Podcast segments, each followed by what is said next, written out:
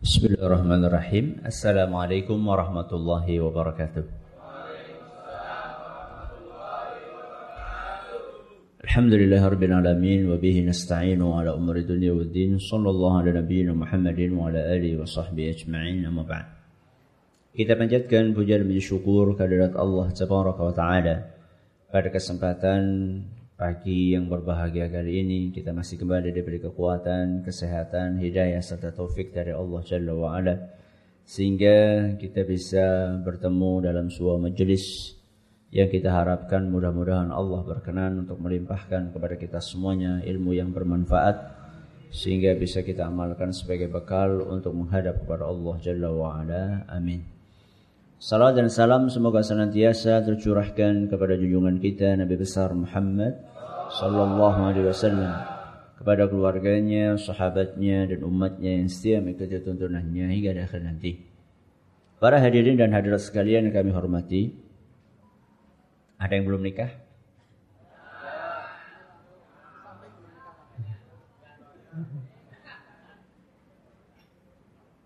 Yang sudah nikah angkat tangan. Masya Allah.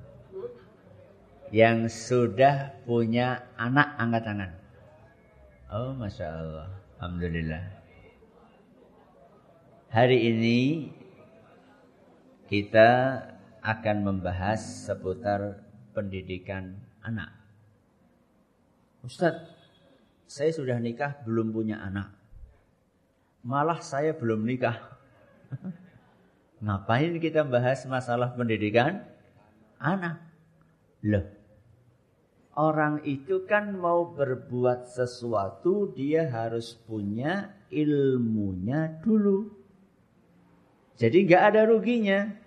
Seandainya ada di antara hadirin dan hadirat sekalian yang belum punya anak atau bahkan belum nikah, tidak masalah.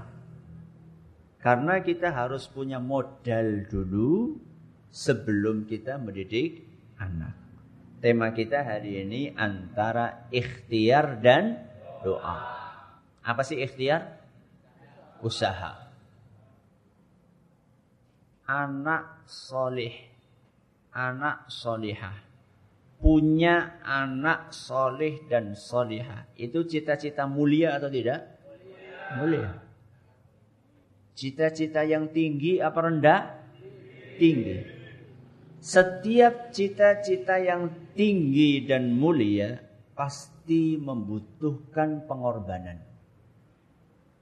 Apa? Pengorbanan. Tidak ada cita-cita mulia dan tinggi yang didapatkan dengan duduk berleha-leha. Baik cita-cita itu sifatnya duniawi maupun cita-cita itu sifatnya ukhrawi.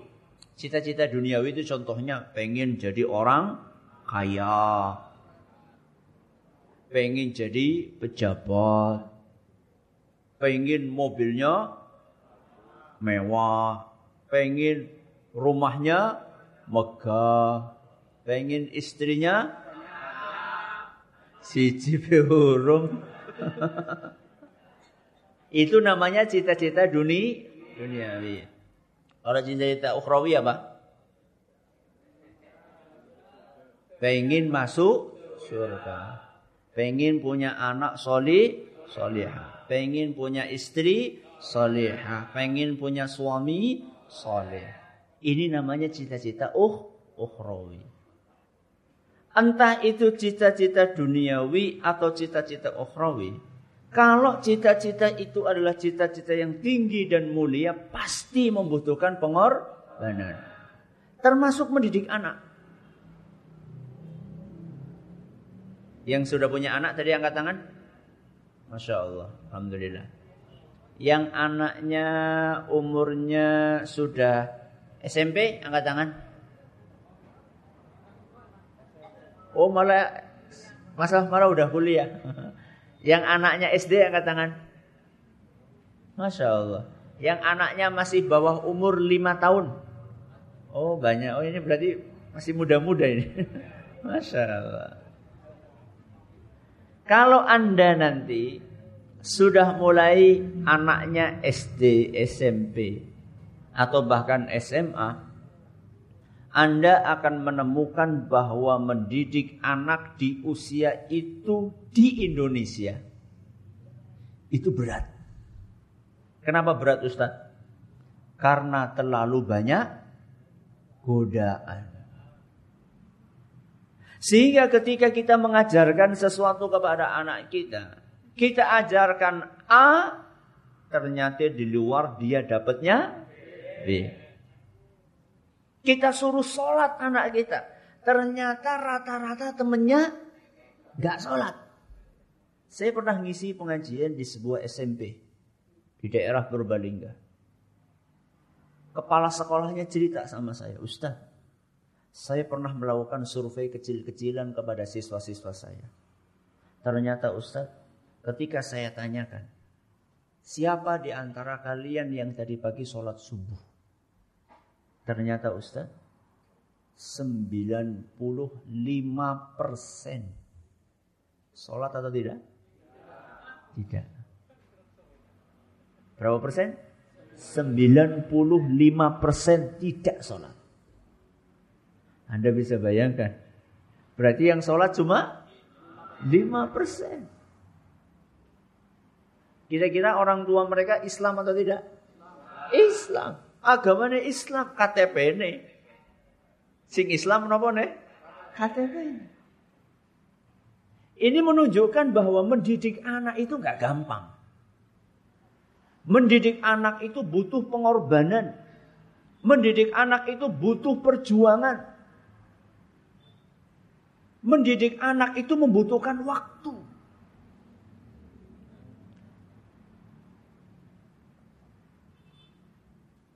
Dan sekedar berusaha tidak cukup. Sekedar berikhtiar tidak cukup. Kenapa demikian Ustaz? Karena hidayah itu di tangan Allah. Sekuat apa pun kita berusaha untuk mendidik anak kita. Sebesar apa pun pengorbanan kita untuk mengarahkan anak kita menjadi anak yang soleh dan solehah. Kalau Allah tidak berkehendak, maka keinginan itu tidak akan tercapai. Allah subhanahu wa ta'ala dalam Al-Quran surat Fatir ayat 8. Surat Fatir surat nomor berapa? 35. Dalam surat Fatir ayat 8 Allah Subhanahu wa taala berfirman fa innallaha yudhillu man yasha'u wa yahdi man yasha'. Sesungguhnya Allah akan menyesatkan siapa yang Dia kehendaki dan memberi hidayah kepada siapa yang Dia kehendaki. Bisa saja Allah Subhanahu wa taala membuat anak seorang kiai menjadi preman. Dan bisa saja Allah membuat anak seorang preman menjadi kiai. Jadi nggak mesti kalau Gus, tahu Gus? Gus gue anaknya kiai. Nggak mesti kalau Gus itu jadi kiai, belum tentu. Dan belum tentu anaknya preman itu jadi preman. Allah subhanahu wa ta'ala yang akan memberi hidayah kepada siapa yang dia kehendaki dan mencabut hidayah dari siapa yang dia kehendaki. Saya kasih contoh. Nabi kita Muhammad Sallallahu Alaihi Wasallam punya paman yang sangat dia sayangi. Sinten? Abu Talib. Bawa Quran? Bawa Quran? Coba buka surat Al-Qasas ayat 56. Al-Qasas itu surat nomor 28. Surat nomor 28 ayatnya 56.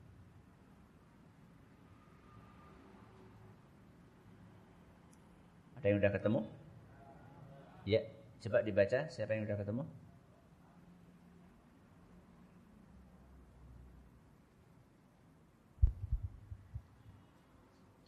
أعوذ بالله من الشيطان الرجيم إنك لا تهدي من أحببت من أحببت ولكن الله يهدي من يشاء وهو أعلم بالمهتدين Terjemahannya dibaca Sungguh engkau Muhammad tidak dapat memberi petunjuk kepada orang yang engkau kasihi, tetapi Allah memberi petunjuk kepada orang yang dia kehendaki.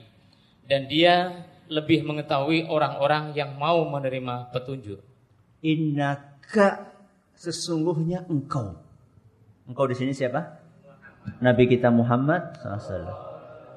Sesungguhnya engkau wahai Muhammad tidak akan bisa memberi hidayah kepada orang yang kamu cintai. Yang dimaksud orang yang kamu cintai di sini siapa?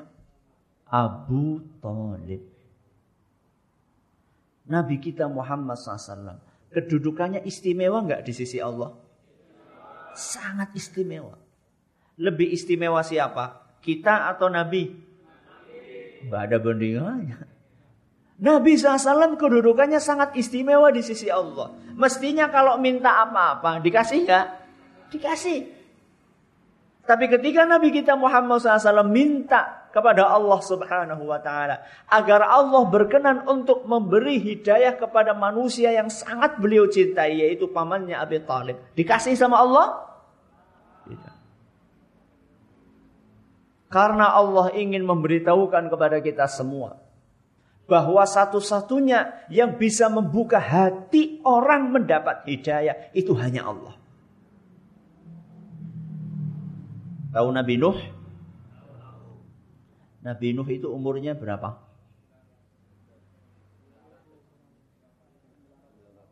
Sembilan ratus lima puluh itu umurnya atau waktu beliau berdakwah? Bukan. Itu adalah waktu lama beliau berdakwah. Berapa tahun? 950 tahun. Berarti umurnya berapa? Wallahu a'lam. Umurnya di atas itu. Lah wong dakwahnya aja berapa? 950 tahun.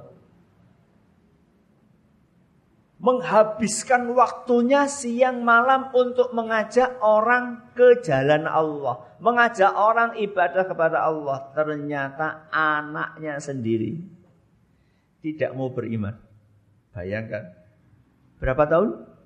950 tahun ngajak-ngajak orang. Anaknya sendiri nggak mau beriman. Ada ceritanya di dalam surat Hud ayat 42 sampai 47. Ini panjang. Nanti PR. Ya, surat nopo? Hud ayat 42 sampai 47. Jadi intinya ketika Allah Subhanahu wa taala sudah menghendaki untuk membinasakan kaumnya Nuh karena sudah kebangetan Lawong didakwai kok 950 tahun ndak pada ikut bayangkan. 950 tahun diingatkan, diajak. Ya.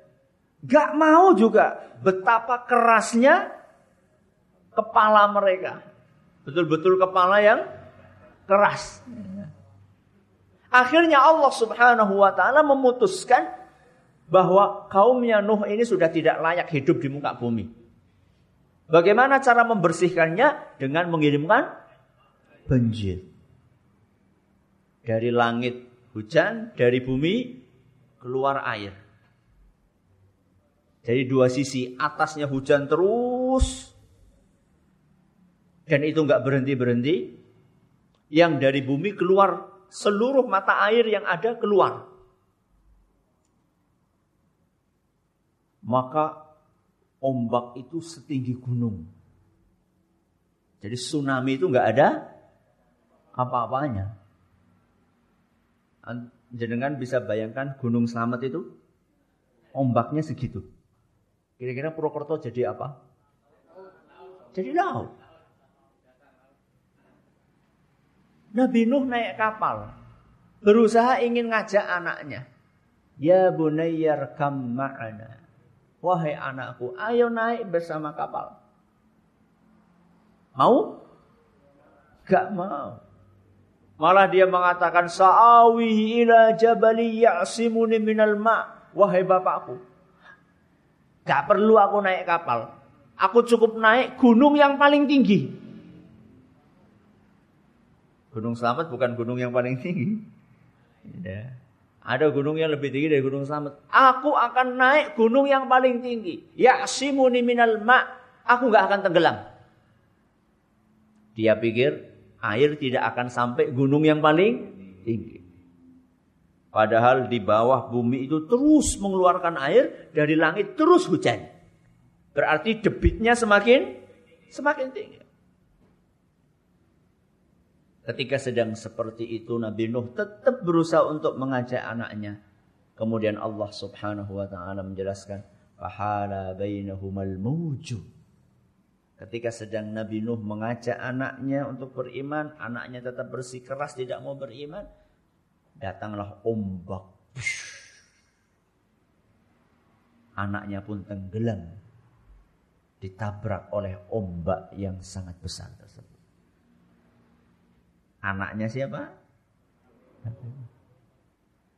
Kulo kalih jenengan dibandingkan Nabi Nuh soleh sinten. Nabi Nuh. Itu pun anaknya tidak beriman. Ini menunjukkan apa? Menunjukkan bahwa hidayah itu bukan di tangan manusia. Hidayah itu di tangan Allah.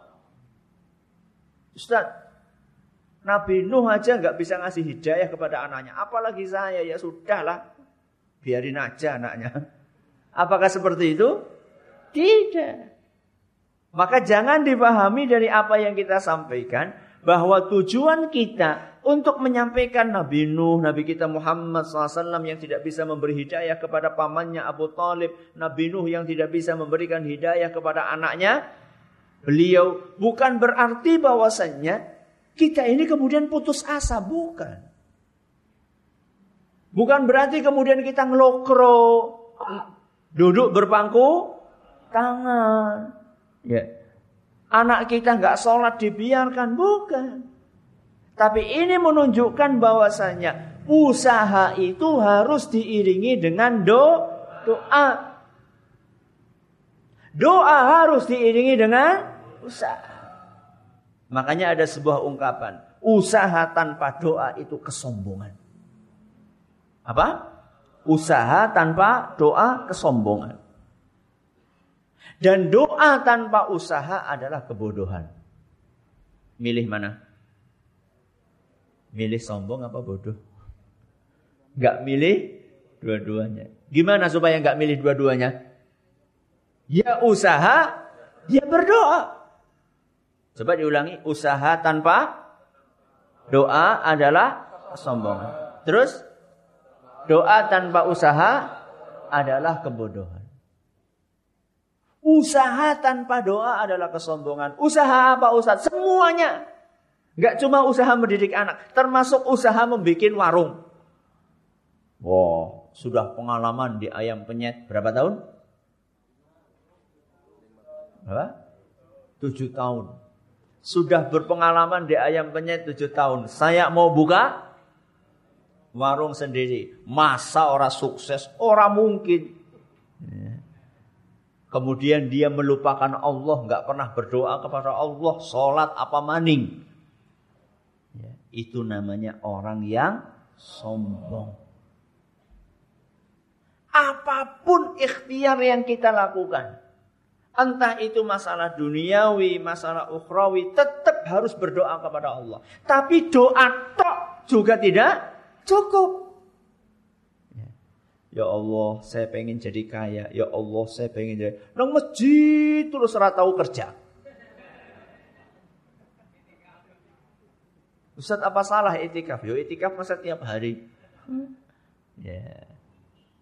Ada saatnya bekerja, ada saatnya beribadah di masjid. Ya. ya Allah saya pengen punya anak sepuluh ya Allah tapi nggak nikah. Ya nggak mungkin toh. Ya. Jadi segala sesuatu itu tidak cukup hanya berdoa, harus ada apanya tadi?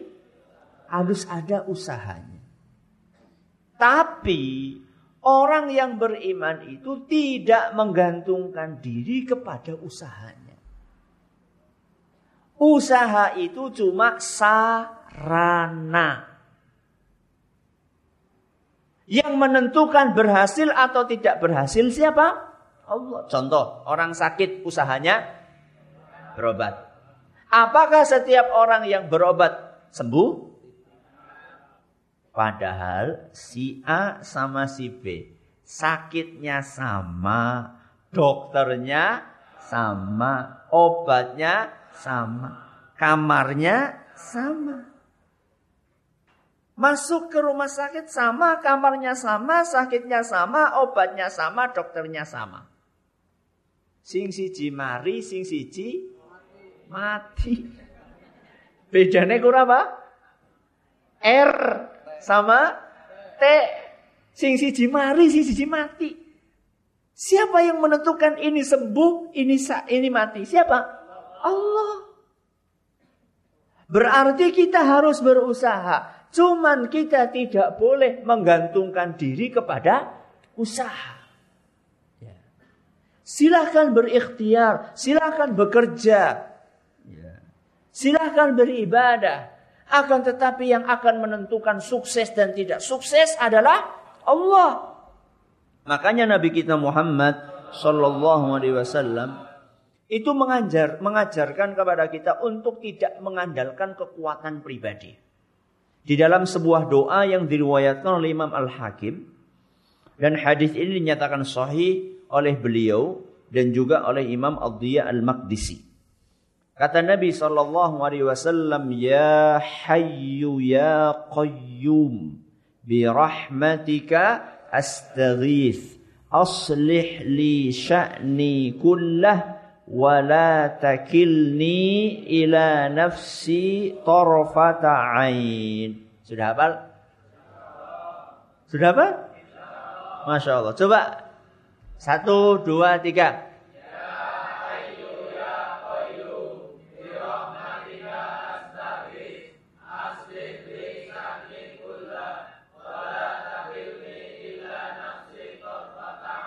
Masya Allah. Hafalnya kapan? Oh, zikir pagi ya?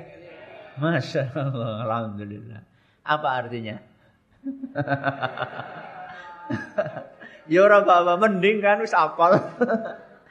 ya hayyu ya qayyum. Wahai yang maha hidup dan maha mengurusi makhluknya. Hayyu itu maha hidup. Qayyum maha mengurusi makhluknya. Birahmatika astaghfir. Dengan rahmatmu aku memohon pertolongan. Jadi kalau minta tolong itu jangan kepada siapa-siapa. Minta tolong itu kepada Allah. Karena Allah itu maha kuat. Maha mengurusi makhluknya. Kemudian Allah itu kalau dimintai tolong nggak pernah bosen. Beda dengan manusia. Jenengan minta tolong sama temennya sekali dibantu, dua dibantu, tiga tuman. Manusia itu gampang bosen. Ya. Pengen minta tolong sama yang nggak pernah bosen. Siapa? Allah. Jadi ada apa-apa minta sama Allah. Iya karena budu, wa iya karena stain. Apa artinya wa iya karena stain? Hanya kepadamu kami minta tolong. Mu itu siapa? Allah. Hanya kepadamu ya Allah kami minta tolong. Jadi kita ini diajarkan untuk tidak minta tolong kecuali kepada Allah. Setelah itu aslih li sya'ni kullah. Perbaikilah seluruh keadaanku. Urusanku ya Allah perbaiki semuanya. Makanya doa ini subhanallah. Panjenengan rutin membaca doa ini Masya Allah. Seluruh urusan kita. Mau urusan duniawi. Mau urusan ukhrawi. Mau urusan pekerjaan. Mau urusan rumah tangga.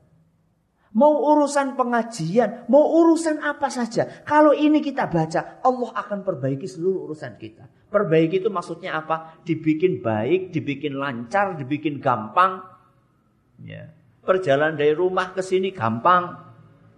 Pekerjaan di sini gampang. Nanti pulang juga perjalanannya gampang. Sampai ke rumah ketemu dengan anak istri, didiknya gampang. Pengen berbakti sama orang tua digampangkan, ngaji digampangkan. Baca Al-Quran dahulu nggak tahu alif ba tak saja. Nggak tahu membedakan antara ba sama tak. Ya. Antara ba sama nun kewalak-walik. Padahal titiknya cuma atas, bawah. Antara kho sama jim kebalik-balik. Ya, titiknya satu di atas, satu di satu di tengah. Ya. Dahulu tidak tahu, tapi karena kita berdoa, aslih li sya'ni kullah, aslih li sya'ni kullah. Ya Allah gampangkanlah urusanku. Subhanallah. Sekarang lancar membaca Al-Quran. Ya. Kemudian apa kelanjutannya? Wala takilni ila nafsi tarfata'in. Ya Allah. Jangan engkau jadikan aku bergantung kepada diriku walaupun cuma sekejap mata. Sekejap mata niku pripun? Kedep. Kedep itu berapa menit? Setengah detik. Belum sampai satu detik sudah. Maksudnya apa? Setengah detik pun jangan mengandalkan kekuatan pribadi. Setengah detik. Bayangkan. Kita kadang-kadang lupa sama Allah berapa detik. Ada sebagian orang berhari-hari, ada sebagian orang berbulan-bulan lupa sama terlalu bangga dengan kekuatan dirinya. Mentang-mentang awaknya gede. Setiap hari fitness, ngejim. Ya. Setiap hari angkat barbel, mentang-mentang kuat. Ada yang mengatakan mentang-mentang kaya. Ada yang membanggakan mentang-mentang pinter. Jangan. Jangankan satu hari. Jangankan satu jam. Setengah detik pun kita nggak boleh menggantungkan kepada kekuatan diri pribadi kita. Ini yang doa Nabi loh. Padahal Nabi itu adalah orang yang sangat alim, orang yang sangat soleh, orang yang sangat kuat, orang yang sangat dekat dengan Allah. Itu pun tidak mau setengah detik bergantung kepada kekuatan pribadinya. Saya tanya, jenengan sama Nabi kuat siapa? Iman siapa? Soleh siapa? Kalau Nabi setengah detik saja gak mau bergantung kepada kekuatan pribadinya, seharusnya kita harus lebih bergantung kepada Allah.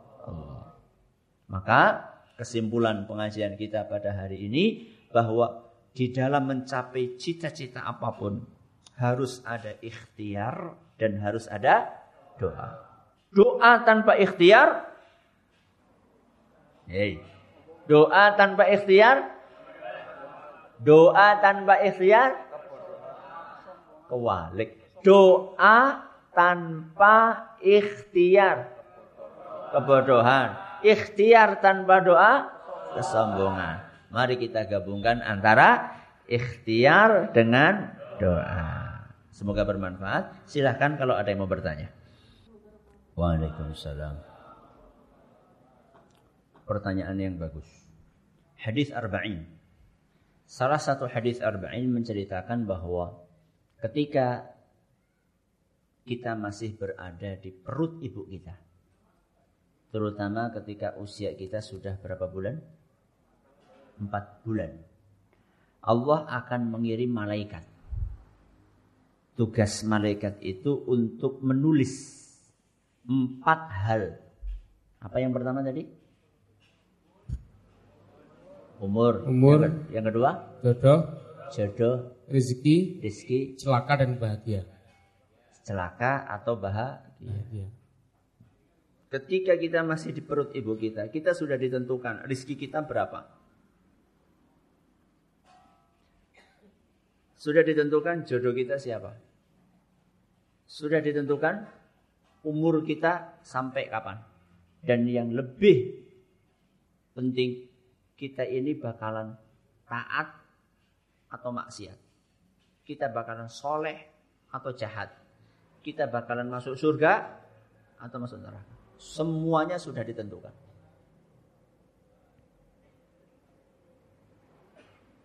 Pertanyaannya, kalau sudah ditentukan, ngapain? Ngapain? Ngapain ikhtiar? Kan sudah di, ditentukan. Subhanallah. Pertanyaan itu ngapain usaha lagi lawang sudah ditentukan. Itulah pertanyaan yang disampaikan oleh para sahabat Nabi SAW kepada Rasul SAW. Setelah mereka mendengarkan bahwa kita semua sudah ditentukan takdirnya oleh Allah, para sahabat bertanya, "Ya Rasulullah, wa fimal amal?" Kalau demikian keadaannya wahai Rasul, ngapain kita beramal lagi? Loh, kok ngapain beramal? Ya iya. Kalau sudah ditentukan jadi penduduk surga, sudah ditentukan A nanti bakalan masuk surga. Lu ngapain lagi beramal? Lah wong sudah ditentukan masuk surga. Kalau sudah ditentukan masuk neraka, ngapain capek-capek amal? Lah wong ujungnya juga neraka. Fafimal amal ya Rasulullah. Kalau baik itu, kenapa kita mesti beramal wahai Rasul? Maka kemudian beliau SAW menjawab, I'malu. Tetaplah kalian beramal. Fakullun muyassarun lima khuliqalahu. Masing-masing akan dimudahkan sesuai dengan takdirnya. Kalau takdirnya menjadi penghuni surga, maka akan dimudahkan jalannya ke sana. Contoh. Ditakdirkan mudah masuk ke surga. Jenengan itu loh sekarang di sini. Ini jalan ke surga atau bukan? Jalan ke surga. Man salaka tariqan yaltamisu fihi ilman sahalallahu lahu bihi tariqan ila jannah. Barang siapa yang meniti jalan untuk mencari ilmu agama, maka akan dimudahkan jalannya ke surga. Ini loh jalan surga.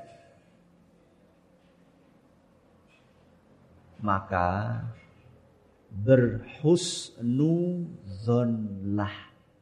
Berprasangka baiklah. Kepada siapa? Jenengan insya Allah takdirnya surga. Kenapa Ustaz? Karena kita dimudahkan sama Allah untuk menuju ke surga. Contohnya kita bekerja di tempat yang memperhatikan pengajian. Ada nggak tempat yang tidak memperhatikan pengajian? Mayoritas. Jadi kan bisa cek rumah makan rumah makan yang ada sepurwokerto yang pemiliknya memperhatikan pengajian anak buahnya. Bisa dihitung dengan Enggak kok malah lah beboi kerja anak ngaji maning, ngaji maning. Mendingan pindah golet sing ora anak pengajian. Loh ini sudah on the track. Apa on the track? Sudah di atas jalannya yang benar kok malah mencong malah belok. Ini jalannya sudah benar dimudahkan. Jadi begini, kita semua sudah ditentukan apakah surga atau neraka. Tapi tetap kita disuruh untuk beramal, berikhtiar, berdoa. Kenapa? Karena kita tidak tahu takdir kita. Ada yang pernah dapat bocoran? Gak pernah toh? Bocoran dari mana? Gak ada. Takdir Allah itu apalagi yang di lauhul mahfud yang tahu cuma Allah. Maka kalau orang Jawa mengatakan ajan disi kerso. Jangan mendahului kehendaknya Allah. Kita tuh nggak tahu. Karena kita nggak tahu kita ini bakalan di surga atau di neraka, maka tetap kita disuruh berusaha dan berikhtiar. Kita juga disuruh untuk berdoa kepada Allah Subhanahu wa taala. Rabbana atina fid dunya hasanah wa fil akhirati hasanah wa qina adzaban. Bisa saja seseorang ditakdirkan masuk neraka karena dia wakina benar, wakina ada benar, wakina benar. Allah Subhanahu wa taala balik takdir itu. Bisa. Makanya Rasulullah SAW mengatakan la yaruddul qadha'a illa du'a. Satu-satunya yang bisa menolak takdir adalah doa. Apa? Doa. Ditakdirkan sama Allah rizkinya hari ini 50 ribu. Doa terus. Ya Allah, berilah rizki yang melimpah, yang berkah. Ternyata dapatnya 500 ribu. Bisa? Bisa. Doa. Maka walaupun takdir kita sudah ditetapkan oleh Allah, kita tetap disuruh berdoa dan berusaha. Kenapa? Satu, karena kita tidak tahu takdir kita seperti apa. Kemudian yang kedua, karena doa bisa merubah takdir kita. Wallahu a'lam Saya kira cukup sampai di sini. Donasi dakwah Yufid. Yuk